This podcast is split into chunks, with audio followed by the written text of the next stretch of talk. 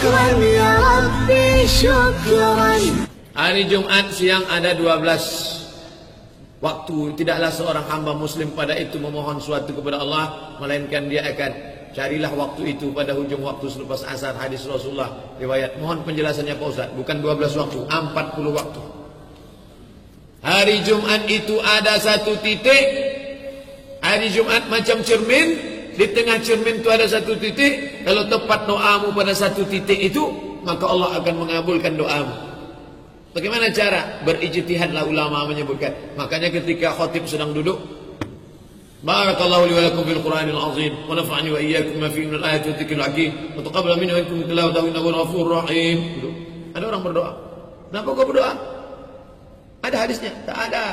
Nabi hanya menyebut ada 40 titik. Nabi hanya menyebut ada satu titik. Ulama berijtihad. Itulah dibuatnya. Titik ini, titik ini, titik ini, titik ini. Sebenarnya rahasia Allah SWT. Tidak ada yang tahu siapa dapat solat usta. Tidak ada yang tahu siapa dapat malam Lailatul Qadar. Tidak ada tahu siapa dapat doa haji mabrur. Tidak ada tahu siapa dapat doa makbul. Tidak ada yang tahu siapa dapat doa dapat dapat uh, doa satu titik dari Jumat. Kenapa? Allah buat rahasia. Inti daripada hadis ini apa sebetulnya inti? Supaya kita banyak berdoa dan bersalawat di hari Jumat. Itu tujuannya. Tolong carikan saya titik-titik itu Pak Ustaz. Berdoa aja. Dari mulai petang Jumat sampai petang Kamis malam Jumat sampai petang Jumat malam Sabtu terus berdoa. Banyak selawat. Subhanallah. Allahumma salli ala sayyidina Muhammad. Allahumma salli ala sayyidina Muhammad.